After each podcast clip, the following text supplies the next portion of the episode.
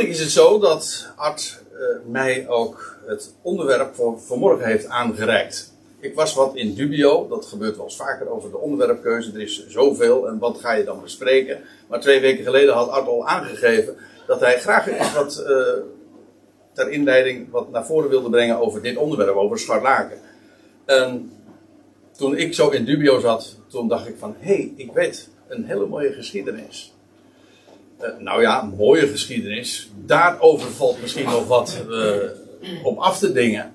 Maar het is wel een hele bijzondere geschiedenis. Daar valt weinig op af te dingen.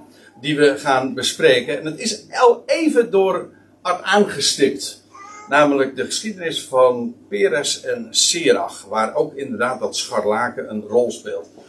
En ik zat later, toen ik eenmaal de keuze voor het onderwerp gemaakt had, uh, weer in dubio. En Petra weet daarvan. En dat is, uh, hoe ga ik dit nu bespreken? Want het is een lang hoofdstuk. En ik heb even uh, getwijfeld om het in tweeën te doen. Dus. Maar dat was eigenlijk ook weer geen goed idee. Dus ik ga het, hoofdstuk is er heel bespreken, maar zodanig dat ik uh, de geschiedenis bespreek. Dat wil zeggen, ik lees gewoon vers voor vers en eventueel een paar toelichtingen. En dan kom ik uiteindelijk uit bij het scharlaken, bij de rode draad. En uh, waar, uh, waar het werkelijk allemaal om gaat en waar dat naar verwijst. Dus uh, ja, dat gaat, dat gaat wel goed komen. Dit, de rode draad kwijt heb ik het maar als titel meegegeven. Dat lijkt een, dat noemen ze in het, in het Nederlands een contaminatie.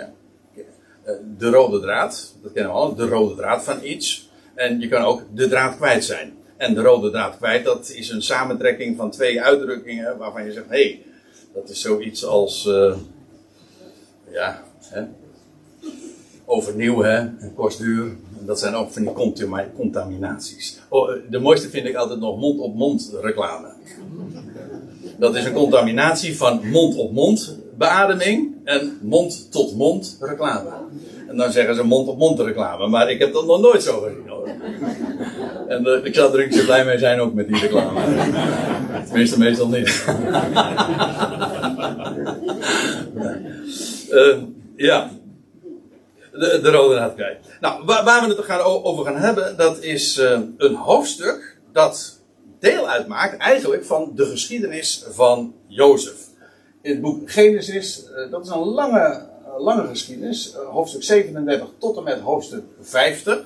Maar dan moet ik erbij zeggen, het, er is één hoofdstuk dat daar uitspringt en dat is waar we het vanmorgen over gaan hebben. En dat is dus een onderbreking feitelijk van de geschiedenis van Jozef. Zo wordt het trouwens ook uh, toegelicht en uh, ingeleid.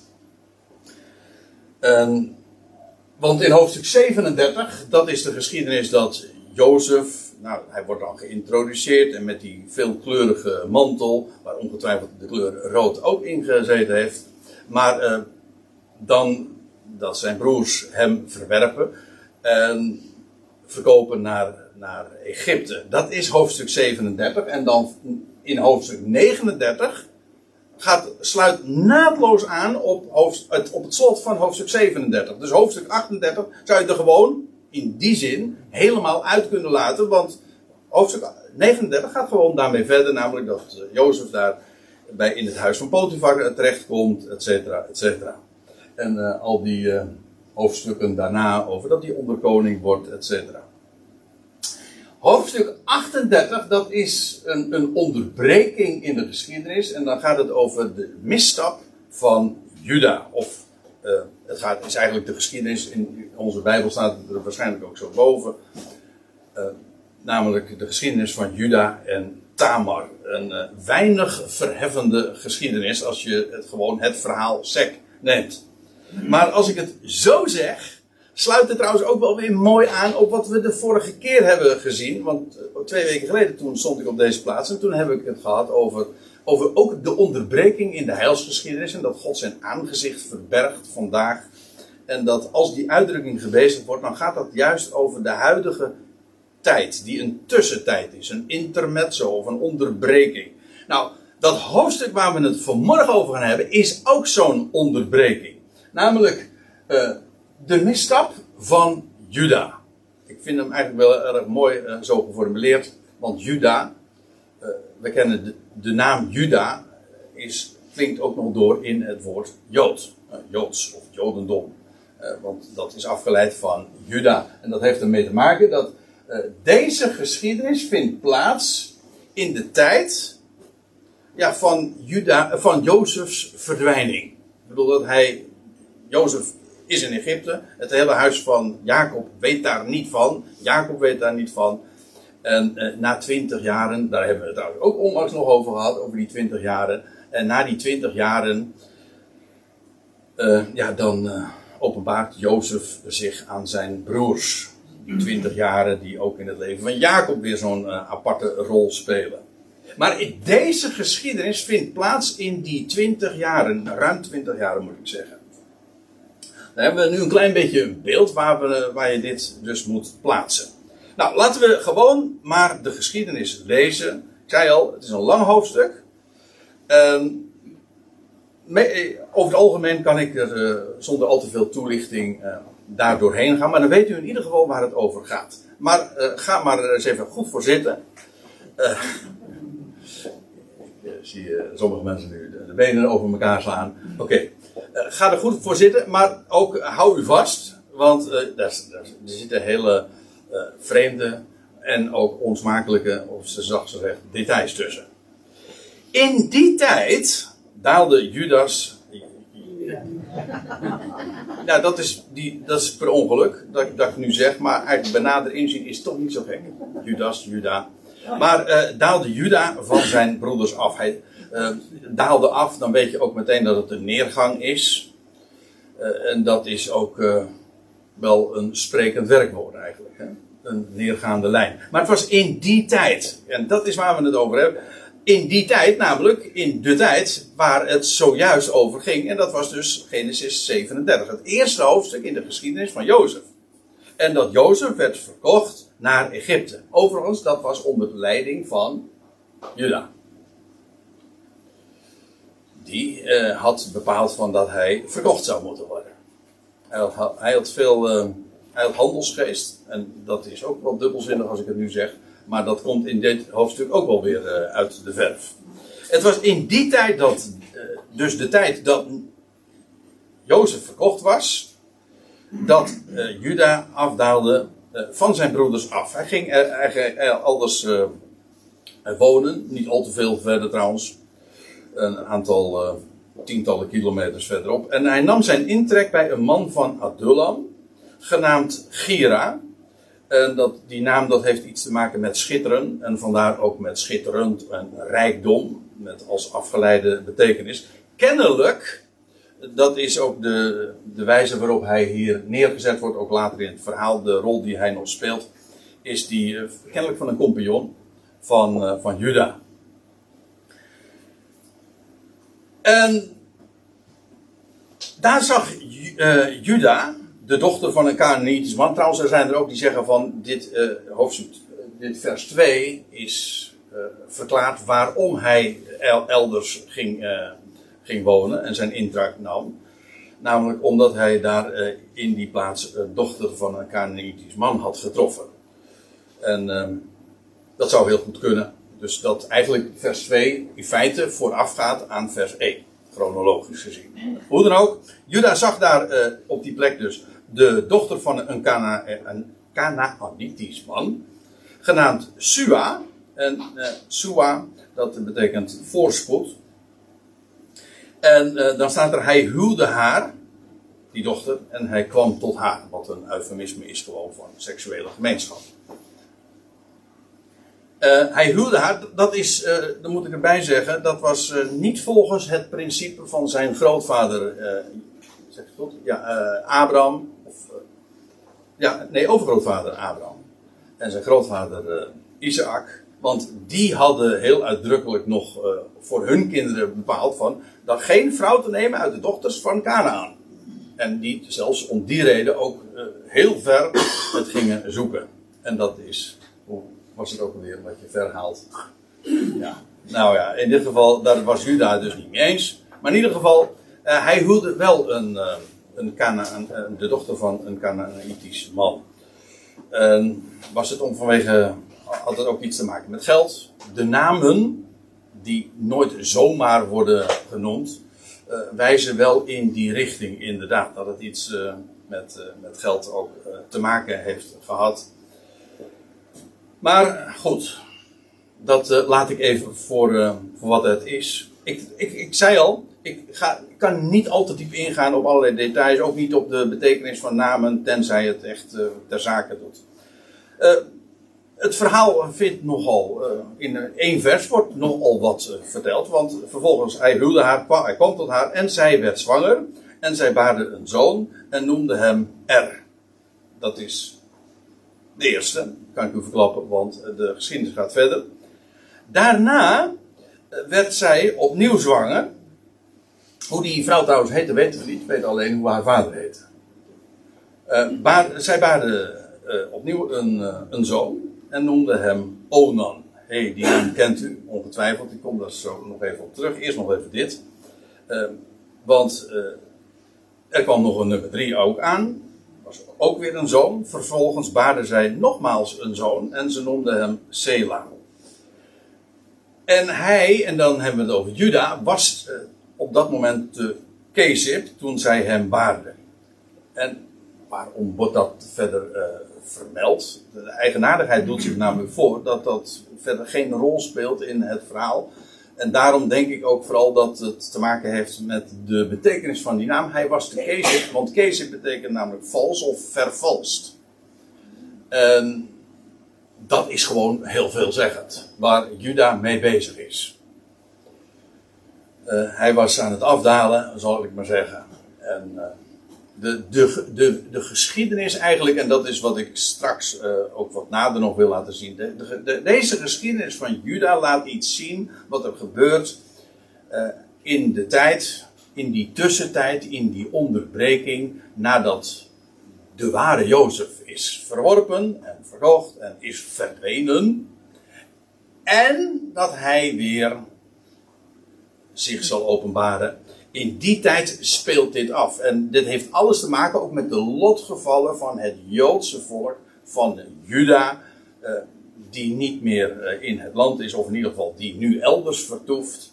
En, eh, nou ja, en als hij dan die derde zoon als die derde zoon dan geboren wordt, dan bevindt hij zich te Kezib. En dat is, mag aangenomen worden, want waarom wordt het anders vermeld? Uh, veelzeggend, want het betekent vals of vervalst. En Juda nam voor R, maar dan praten we natuurlijk inmiddels wel over heel wat jaartjes later. Hoewel ik vermoed, nee, dat weet ik wel vrij zeker, uh, dat dat in ieder geval minder dan 20 jaar is geweest. Uh, R is een jaar of 16 uh, geweest, vermoed ik, 15, 16. Dat hij al inderdaad huwde met, met de vrouw die hier genoemd wordt. Dus, er, er, wordt, dus eerst wordt hier gesproken over de geboorte van drie jongens. En dan vervolgens wat er gebeurde met die, die oudste, zijn eerstgeborene. Ja, Juda nam voor R, want zo gaat dat, hè. dat vind ik trouwens helemaal niet zo'n afdwaling. Maar daar hebben andere mensen weer een, een heel andere mening over. Hè? Dat, dat de vader een, een partner zoekt voor zijn, zijn zoon of, of eventueel voor zijn dochter. Maar mijn kinderen zijn het daar helemaal niet mee eens. Dus, in Huizen Piet hebben we dat niet zo ver gekregen. Nee, daar gaan we het verder niet over hebben, want dan komen we in die details. In ieder geval, het was van oud, dat is een ding wat zeker is. Van oudsher was dit een gebruik. Dat de, eigenlijk was het ook zo, dat wil ik er dan wel even over zeggen. En dat is dat eigenlijk de vader was de hoofdverantwoordelijke voor het kind. En, en die draagt dat dan, en die zorgt, die heeft dan eigenlijk ook, het is zijn verantwoordelijkheid om dat dan vervolgens ook goed af te dragen en, en te regelen voor dat kind. Zeker voor de dochter dan. Maar goed. Uh, Juda nam voor R, zijn eerstgeboren, een vrouw. En die heette Tamar. Dat is een mooie naam. Tamar betekent uh, palmboom. En die naam komen we nogal eens een keer uh, tegen.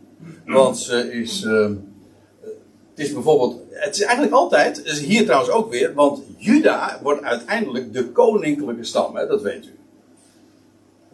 U weet het, dat is eigenlijk een beetje een anachronisme, zoals dat met een mooie woord heet. Maar pas later zou worden gezegd van Juda zou de scepter niet wijken en de heerserstaf zou onder zijn voeten zijn. Dat wil zeggen, Juda zou uiteindelijk de, de stam zijn die de koning en, uh, en de, de kroon zou leveren.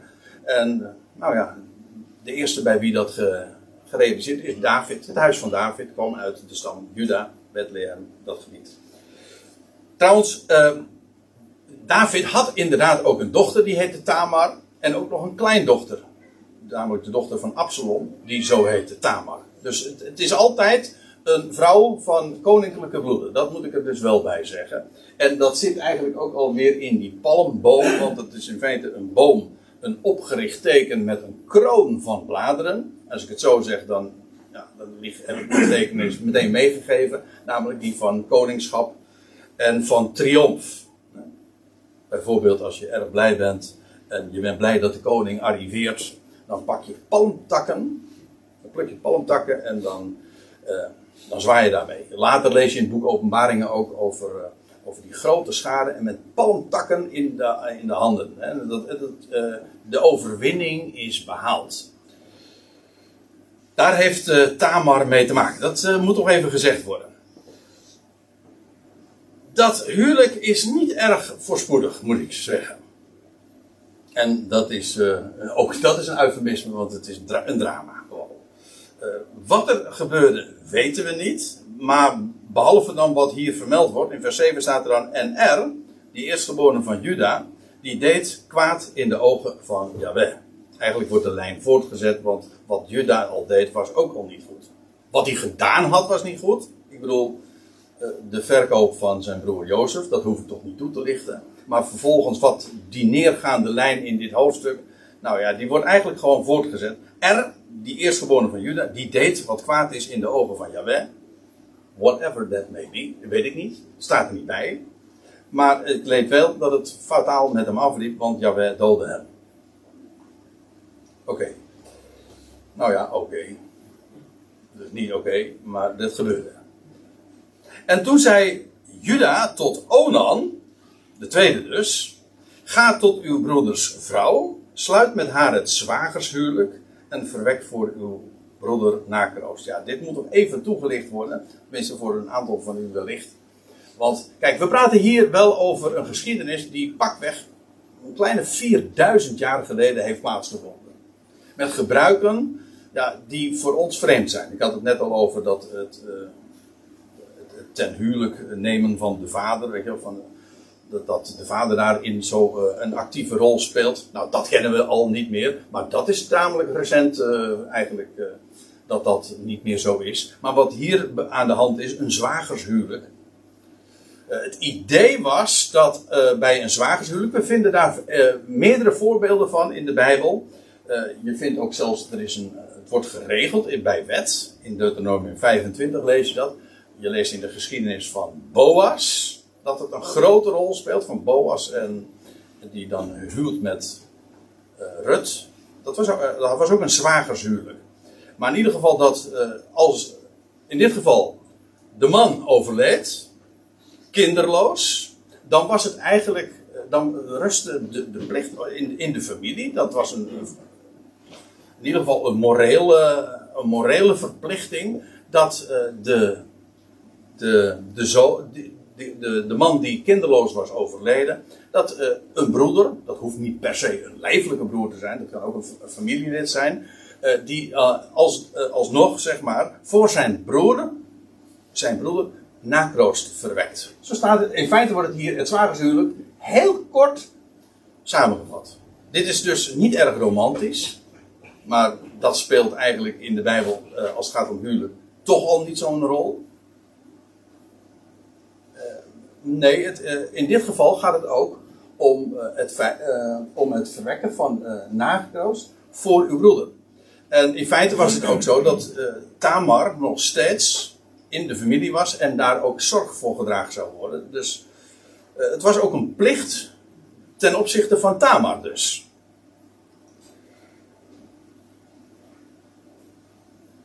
En uh, het idee, dat moet ik er nog even bij zeggen, dat als, als er sprake is van zo'n zwagerhuwelijk, dus in dit geval R is overleden en Onan die, uh, die trouwt dan alsnog, of ja, die trouwt dan als tweede met uh, Tamar, zijn schoonzus wordt zijn vrouw dus.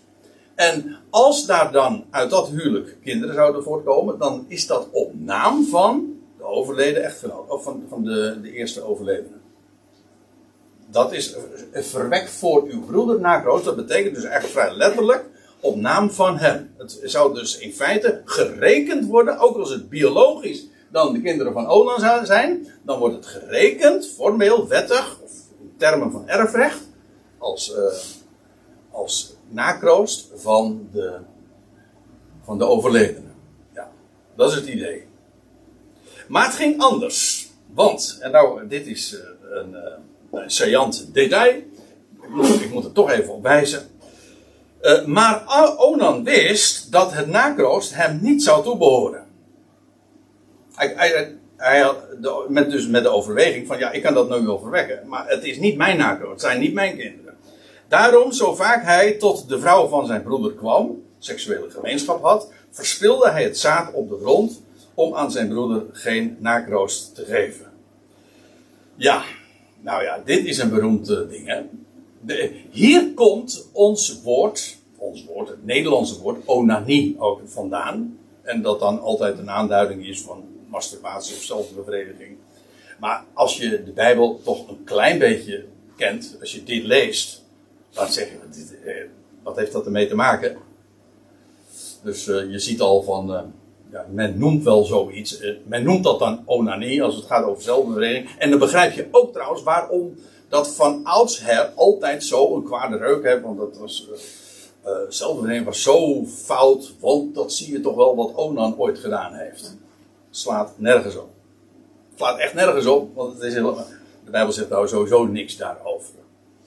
Wij zijn daarin heel moralistisch. Wij zouden trouwens dit ook nooit zo hebben genoemd. Hè, zo vermeld. Maar het staat hier gewoon. Ja, wij hebben er ook wel een namen voor. De, de nette term is coitus interruptus. Maar de meesten kennen hem denk ik anders. Maar goed. Oké. Okay. En ik hoor hem ineens rondzingen.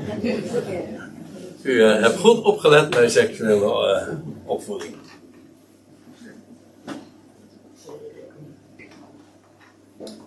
Ja.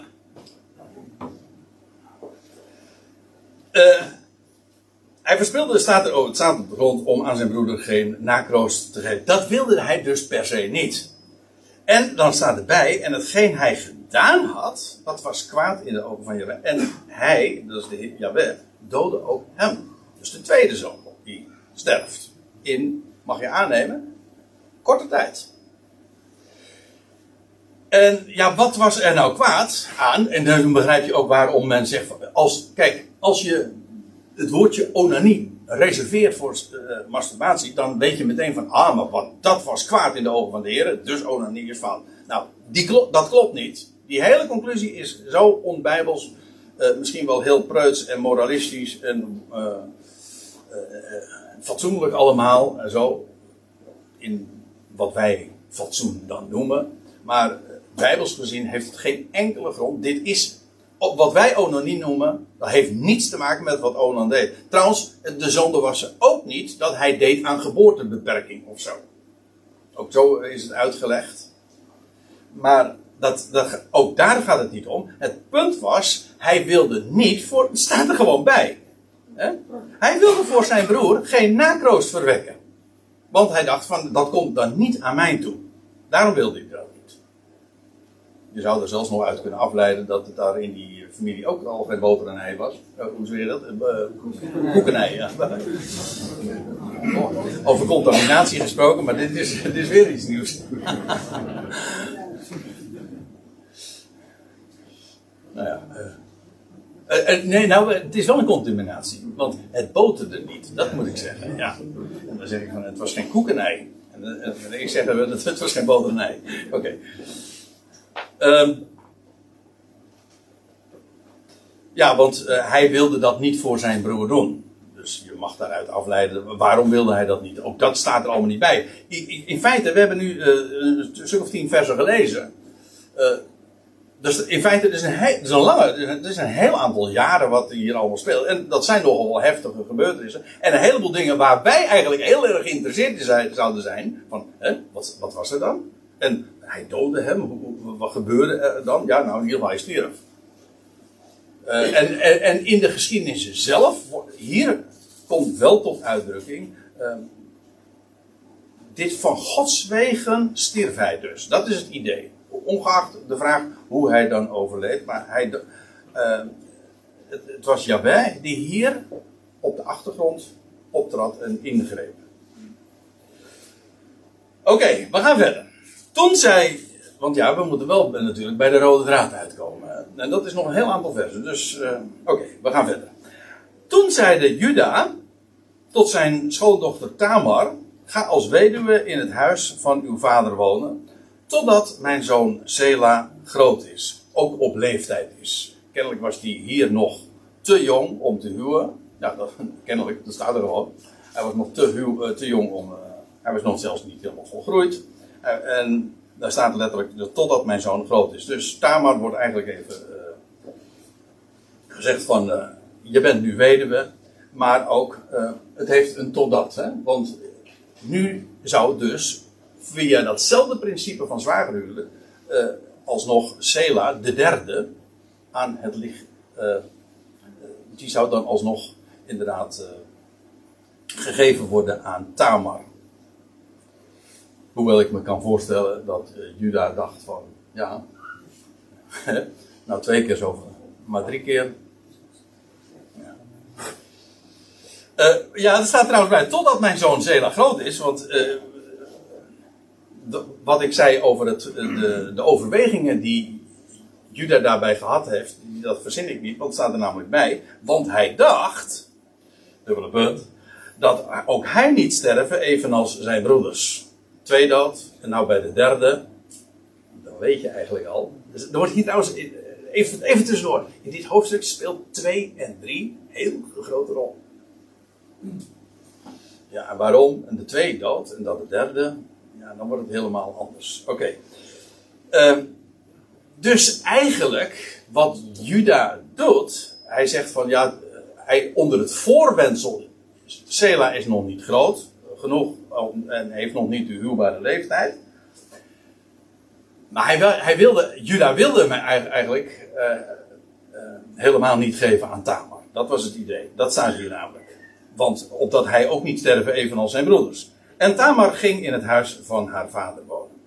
Na verloop van vele dagen uh, stierf de dochter van Sua. Aha, dat was namelijk de vrouw van Juda.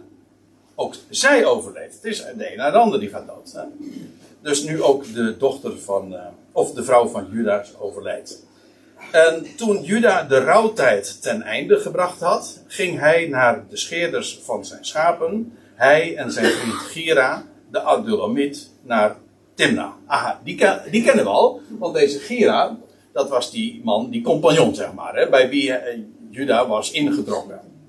En nu zie je ook inderdaad dat ze voor een zakelijke bezigheid zouden ze naar Timna gaan. Ja, de geschiedenis wordt nog veel erger hoor. Dus, uh, het is al, al geen morele. Sommige mensen, voordat de dienst begon, toen had ik het al even met Gerard hier nog over, over dit hoofdstuk. Hij zegt, meestal is het zo dat dit hoofdstuk overgeslagen wordt in de bespreking. Want mensen, het is zo raar. Kijk, vooral met het idee dat je zegt van ja, de Bijbel is, uh, is bedoeld dat wij beter gaan leven. Nou, dan zou ik zeggen van neem aan Genesis 38 geen voorbeeld. En dat is ook precies de reden waarom men met Genesis 38 niet uit de voeten kan. Want als je het met, met een moralistische bril opleest, ja, dan denk je van wat moet dat hier in dit hoofdstuk? En soms staat er ook uh, niet eens een, een, een, Soms blijkt duidelijk wat, wat de, de, mening van God daarin is. Maar soms staat, wordt het er ook helemaal niet eens bij vermeld. Waarmee maar gezegd is, met dat oogmerk de Bijbel lezen, dan begrijp je het niet. Het gaat namelijk niet om de mens en wat wij met het woord doen, maar om, het gaat om de, ik zeg het nu maar, om de rode draad. En het gaat om de wijzen op de verlossing en op de verlosser. En hoe hij tot stand komt. En dan blijkt Genesis 38 elementair te zijn in de hele lijn, de geslachtslijn van de Bijbel. Want laat ik u dan ook dit vertellen. Deze geschiedenis wordt in het eerste hoofdstuk van het Nieuwe Testament weer aangehaald. Want Tamar is uiteindelijk inderdaad een van de aartsmoeders, zeg ik het goed, van de Jezus. Jazeker. Oké, Juda, de, de rouwtijd is ten einde en hij ging nu naar de scheerders van zijn schapen. Hij en zijn vriend Gera, de Adulamiet. Uh, naar Adulam heeft trouwens ook met Olam en met verberging te maken. Naar Timna. Nou, en nu daar treedt Tamar op. Toen aan Tamar bericht werd, zie uw schoonvader is naar Timna gegaan om zijn schapen te scheren trok zij haar weduwkleed uit, bedekte zich met een sluier, vermomde zich en ging zitten aan de ingang van Enaim, dat aan de weg naar Timna ligt. Dat was nog trouwens een heel, een eentje verderop. Timna, dat ligt, uh, dat kennen we trouwens ook uit de geschiedenis van. Simpson, ja. Die had ook een, uh, een vriendinnetje in Timna. Ging ook heel vreemd. Kreeg je ook een onderbreking trouwens. Als je eenmaal de, de rode lijnen hebt. Oh, jongens. Uh, het loopt raar. Het is net als met een borduurwerk. Kijk maar hoe die lijntjes lopen. Maar het is bijzonder, ja. Oké, dat doet Tamar. Ze vermomde zich. Ze ging zitten op de weg naar Tamar. Omdat zij gezien had Waarom doet ze dit? Nou, het wordt hier gemotiveerd omdat ze gezien had dat Sela inmiddels groter geworden was. En zij hem niet tot vrouw was gegeven, dus Juda hield zich niet aan zijn woord. En nu neemt uh, Tamar zelf het initiatief om alsnog dit recht te gaan zetten. En hoe doet ze dat? Nou, we hebben dat al gezien. Wat zij doet, ze gaat aan de kant van de weg daar zitten. Toen Juda haar zag, hield hij haar voor een hoer, omdat zij haar aangezicht bedekt had.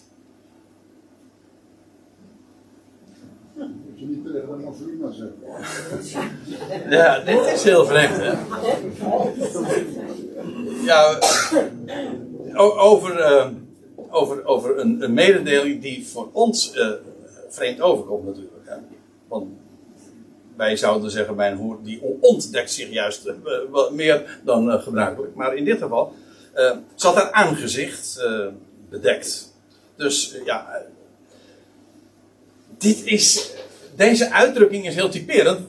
juist, ik zeg dit ook weer even in aansluiting op wat ik twee weken geleden had verteld. Namelijk over dat de Heer zijn aangezicht in deze tijd bedekt. Hè, zijn aangezicht verborgen had.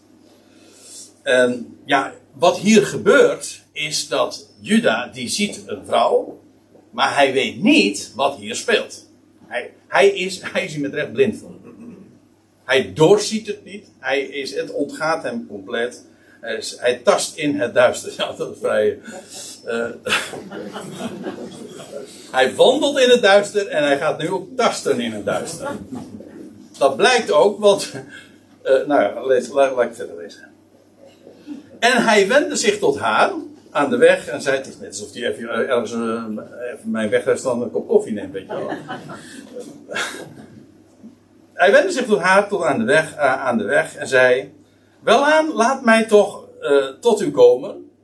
Want hij wist niet dat zij zijn schoondochter was. Nee, dat kon hij ook niet zien, want zij had haar aangezicht door, verborgen. Ja, door, be, verborgen. En hij had wel in de gaten van, ja, zij, zij, koopt, zij, zij verkoopt hier uh, zichzelf. En daarop zeiden zij, ja, wat zult gij mij geven wanneer gij mij, tot mij komt? Er moet, een er moet hier een deal gesloten worden. Dus uh, voor wat hoort wat. En hij zei, ik zal u een geitenbokje van de kudde zenden.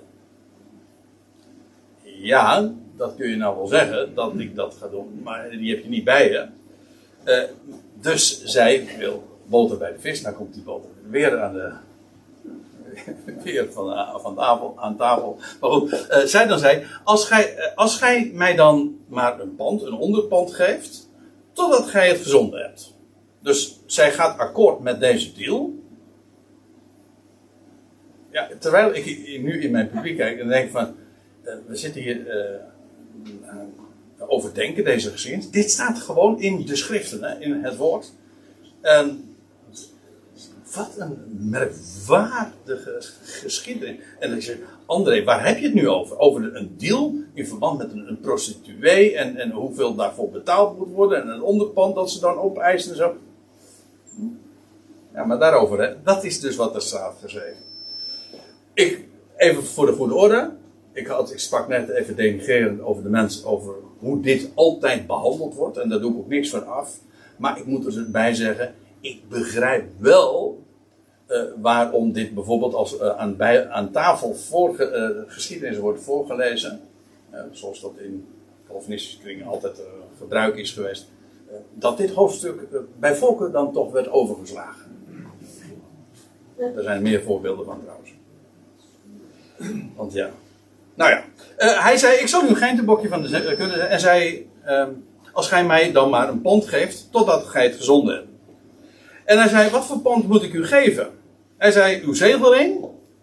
Uh, pardon, zij zei: Uw zegelring, uw snoeren en de staf.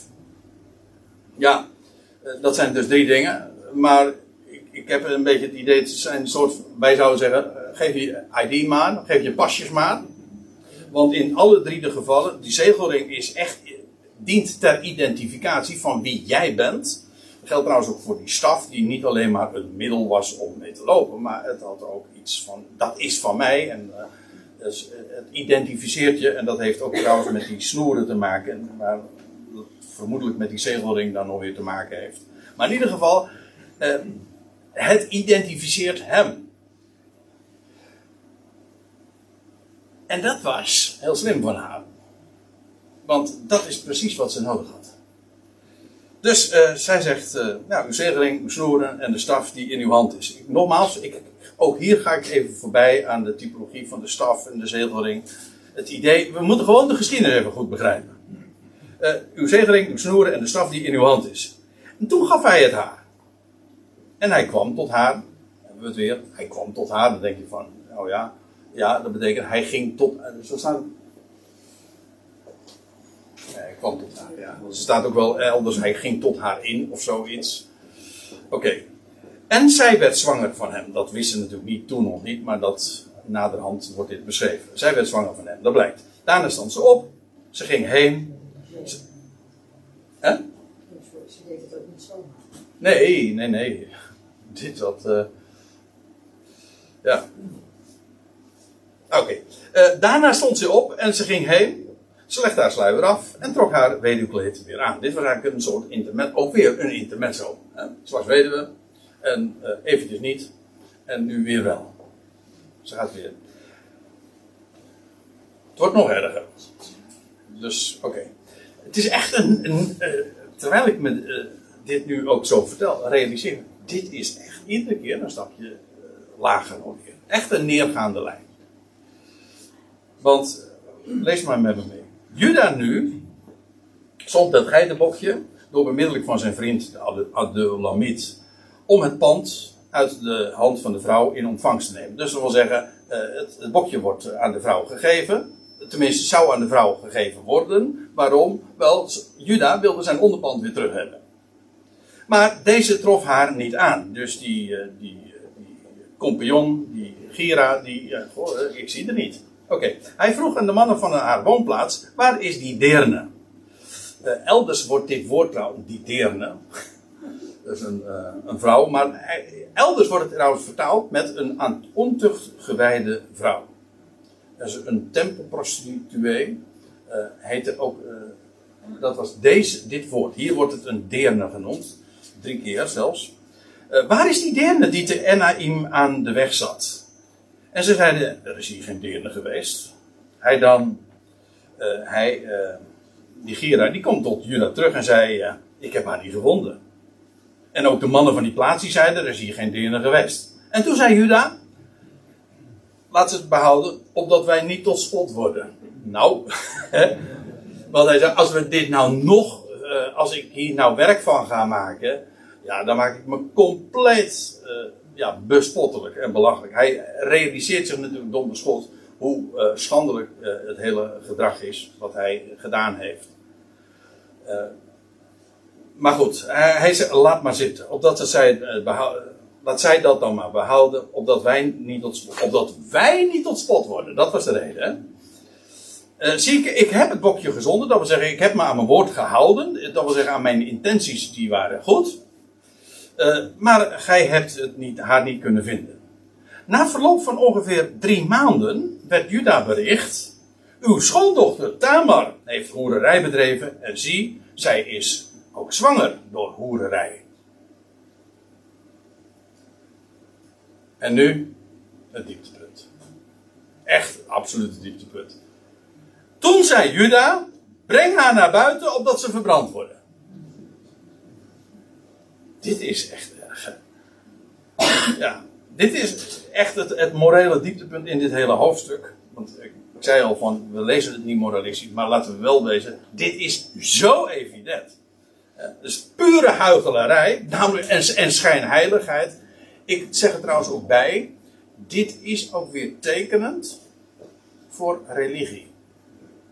En als we het hebben over uh, de orthodoxie, de schone schijn, uh, Juda, die, uh, ja, dat is hier de moraalridder, hè, die zegt van wat krijgen we nou? Zeg, heeft ze, is ze nog zwanger en, en heeft ze hoererij bedreven? Ja, nou ja ik, ik hoef dit niet meer toe te lichten. Dit is zo evident als je eenmaal weet hoe het, hoe het gegaan is. Huichelarij, schijnheiligheid. En terwijl zij naar buiten gebracht werd, want Tamar, die had een plan. Die wist natuurlijk hoe dit zou gaan. En die, nou ja, lees wat er staat. Toen zij naar buiten gebracht werd, zond zij haar schoonvader deze boodschap. Bij de man van wie deze dingen zijn, ben ik zwanger. En ook zeiden zij: Kijk eens goed, van wie deze zegelring, snoeren en staf zijn. En toen herkende Judas en hij zei: Zij staat tegenover mij in haar recht, omdat ik haar niet aan mijn zoon Zela heb gegeven. Er staat er nog bij: Hij heeft geen gemeenschap meer met haar gehad. Nee. Nou ja, dit was genoeg, ja. Maar. Uh, ja, in, feite, hier is dan ook het onrecht en de hypocrisie van Juda echt aan het licht gebracht. En zij, hij realiseert zich, zij staat in haar recht. Haar is iets onthouden en zij heeft dat nu alsnog opgeëist. Dus niet zij was fout, hij was fout. Ja, niet alleen maar omdat hij haar niet gegeven heeft, maar omdat hier ook nog eens die hypocrisie aan het licht kwam. In feite wordt dat hier niet eens zo, zo gezegd. Maar goed, dat, eh, dat moet duidelijk zijn. Nou, en u zegt, waar is die rode draad nou? Nou, oké. Nou komen we aan het slot van het hoofdstuk en de geschiedenis. De clue. Maar dit moest ik vertellen voordat we, ja, Juda moet eerst, laat ik het zo zeggen, Tamar moest eerst zwanger zijn voordat ik, voordat ik deze geschiedenis kan vertellen. Nou ja, nu is het aan het einde van de zwangerschap. Niet drie maanden later, maar negen maanden later. Toen nu het nu de tijd was dat zij baren zou, was er een tweeling in haar schoot. Dat zat ook wel een beetje in de familie, haar grootvader was ook al een van een tweeling, hè, Jacob. Uh, zeg het God? Ja, nou wordt het een beetje ingewikkeld. De vader van Juda. Ja, de vader van Juda, ja. Toen het nu tijd was dat zij baren zou, was er een tweeling in haar schoot. En als u dacht van uh, dit is een vreemde geschiedenis, uh, wat we tot dusver gelezen hebben is vreemd, dan zeg ik ja, maar wat we nu krijgen is ook heel bijzonder hoor. Toen zij baarde, stak er een zijn hand uit. En de vroedvrouw nam die, bond om zijn hand een scharlaken draad. Eigenlijk staat er gewoon een scharlaken. En zei: Deze is het eerst gekomen. Sowieso, Eh, ik denk eh, dat als je aan een vroedvrouw gaat vragen, heb je dit wel meegemaakt dat er eerst een, wordt uitgegeven? weet ik ben er geen, absoluut geen deskundige in. Uh, weet ik niet, maar dit is wel heel bijzonder. Maar in ieder geval, wat zij, die vrouw, vroedvrouw doet in dit geval, is wel heel voortvarend. Want in de Bijbel speelt eerstgeboorterecht. Wie is de eerste? Een hele grote rol. In feite is dat de rode draad. Ik geef toe, ik loop nu al een beetje vooruit op de zaken. Maar dit, de, die hele kwestie van wie is de eerste, loopt als een rode draad door het hele boek Genesis. Zeker vanaf Genesis 11 als we het hebben over de aartsvader vanaf Abraham. Want je krijgt het al. Wie is nou de eerste? Is dat Ismaël of is dat Isaac? Ja, dat hangt er vanaf hoe je rekent. Uh, was dat nou Esau of was dat Jacob? Het hele, de, de hoofdstuk lang, de hele, de hele geschiedenis van Esau en Jacob is, is allemaal terug te brengen tot de vraag: ja, wie is nou de eerste? Aan wie is het eerst geboorterecht gegeven? Trouwens, uh, als we het hebben over Jacob, dan krijg je ook nog de vraag van wie is nou de eerste? Is dat Lea of is dat Rachel?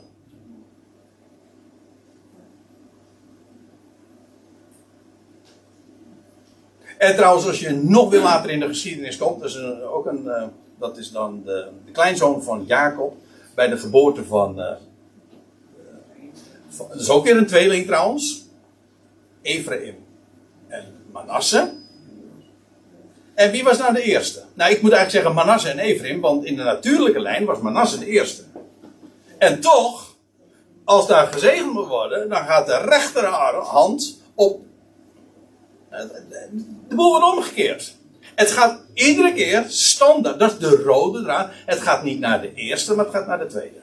De tweede wordt de eerste. Als we dan toch over een rode draad hebben, dat is het verhaal.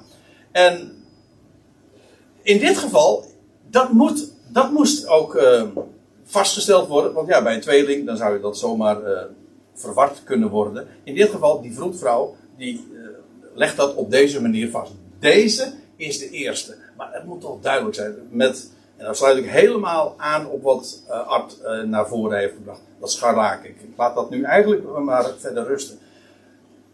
Maar het is de kleur ja, van het bloed. Van de verlossing. Het scharlakenkoord. Maar het is de kleur inderdaad van hem die zou komen. En de verlossing zou aanbrengen alles in scharlaken. De hele totstandkoming van, van scharlaken. Nou, daar heeft uh, in Tola, die worm, weet je wel, wat, alles wat daarover verteld is.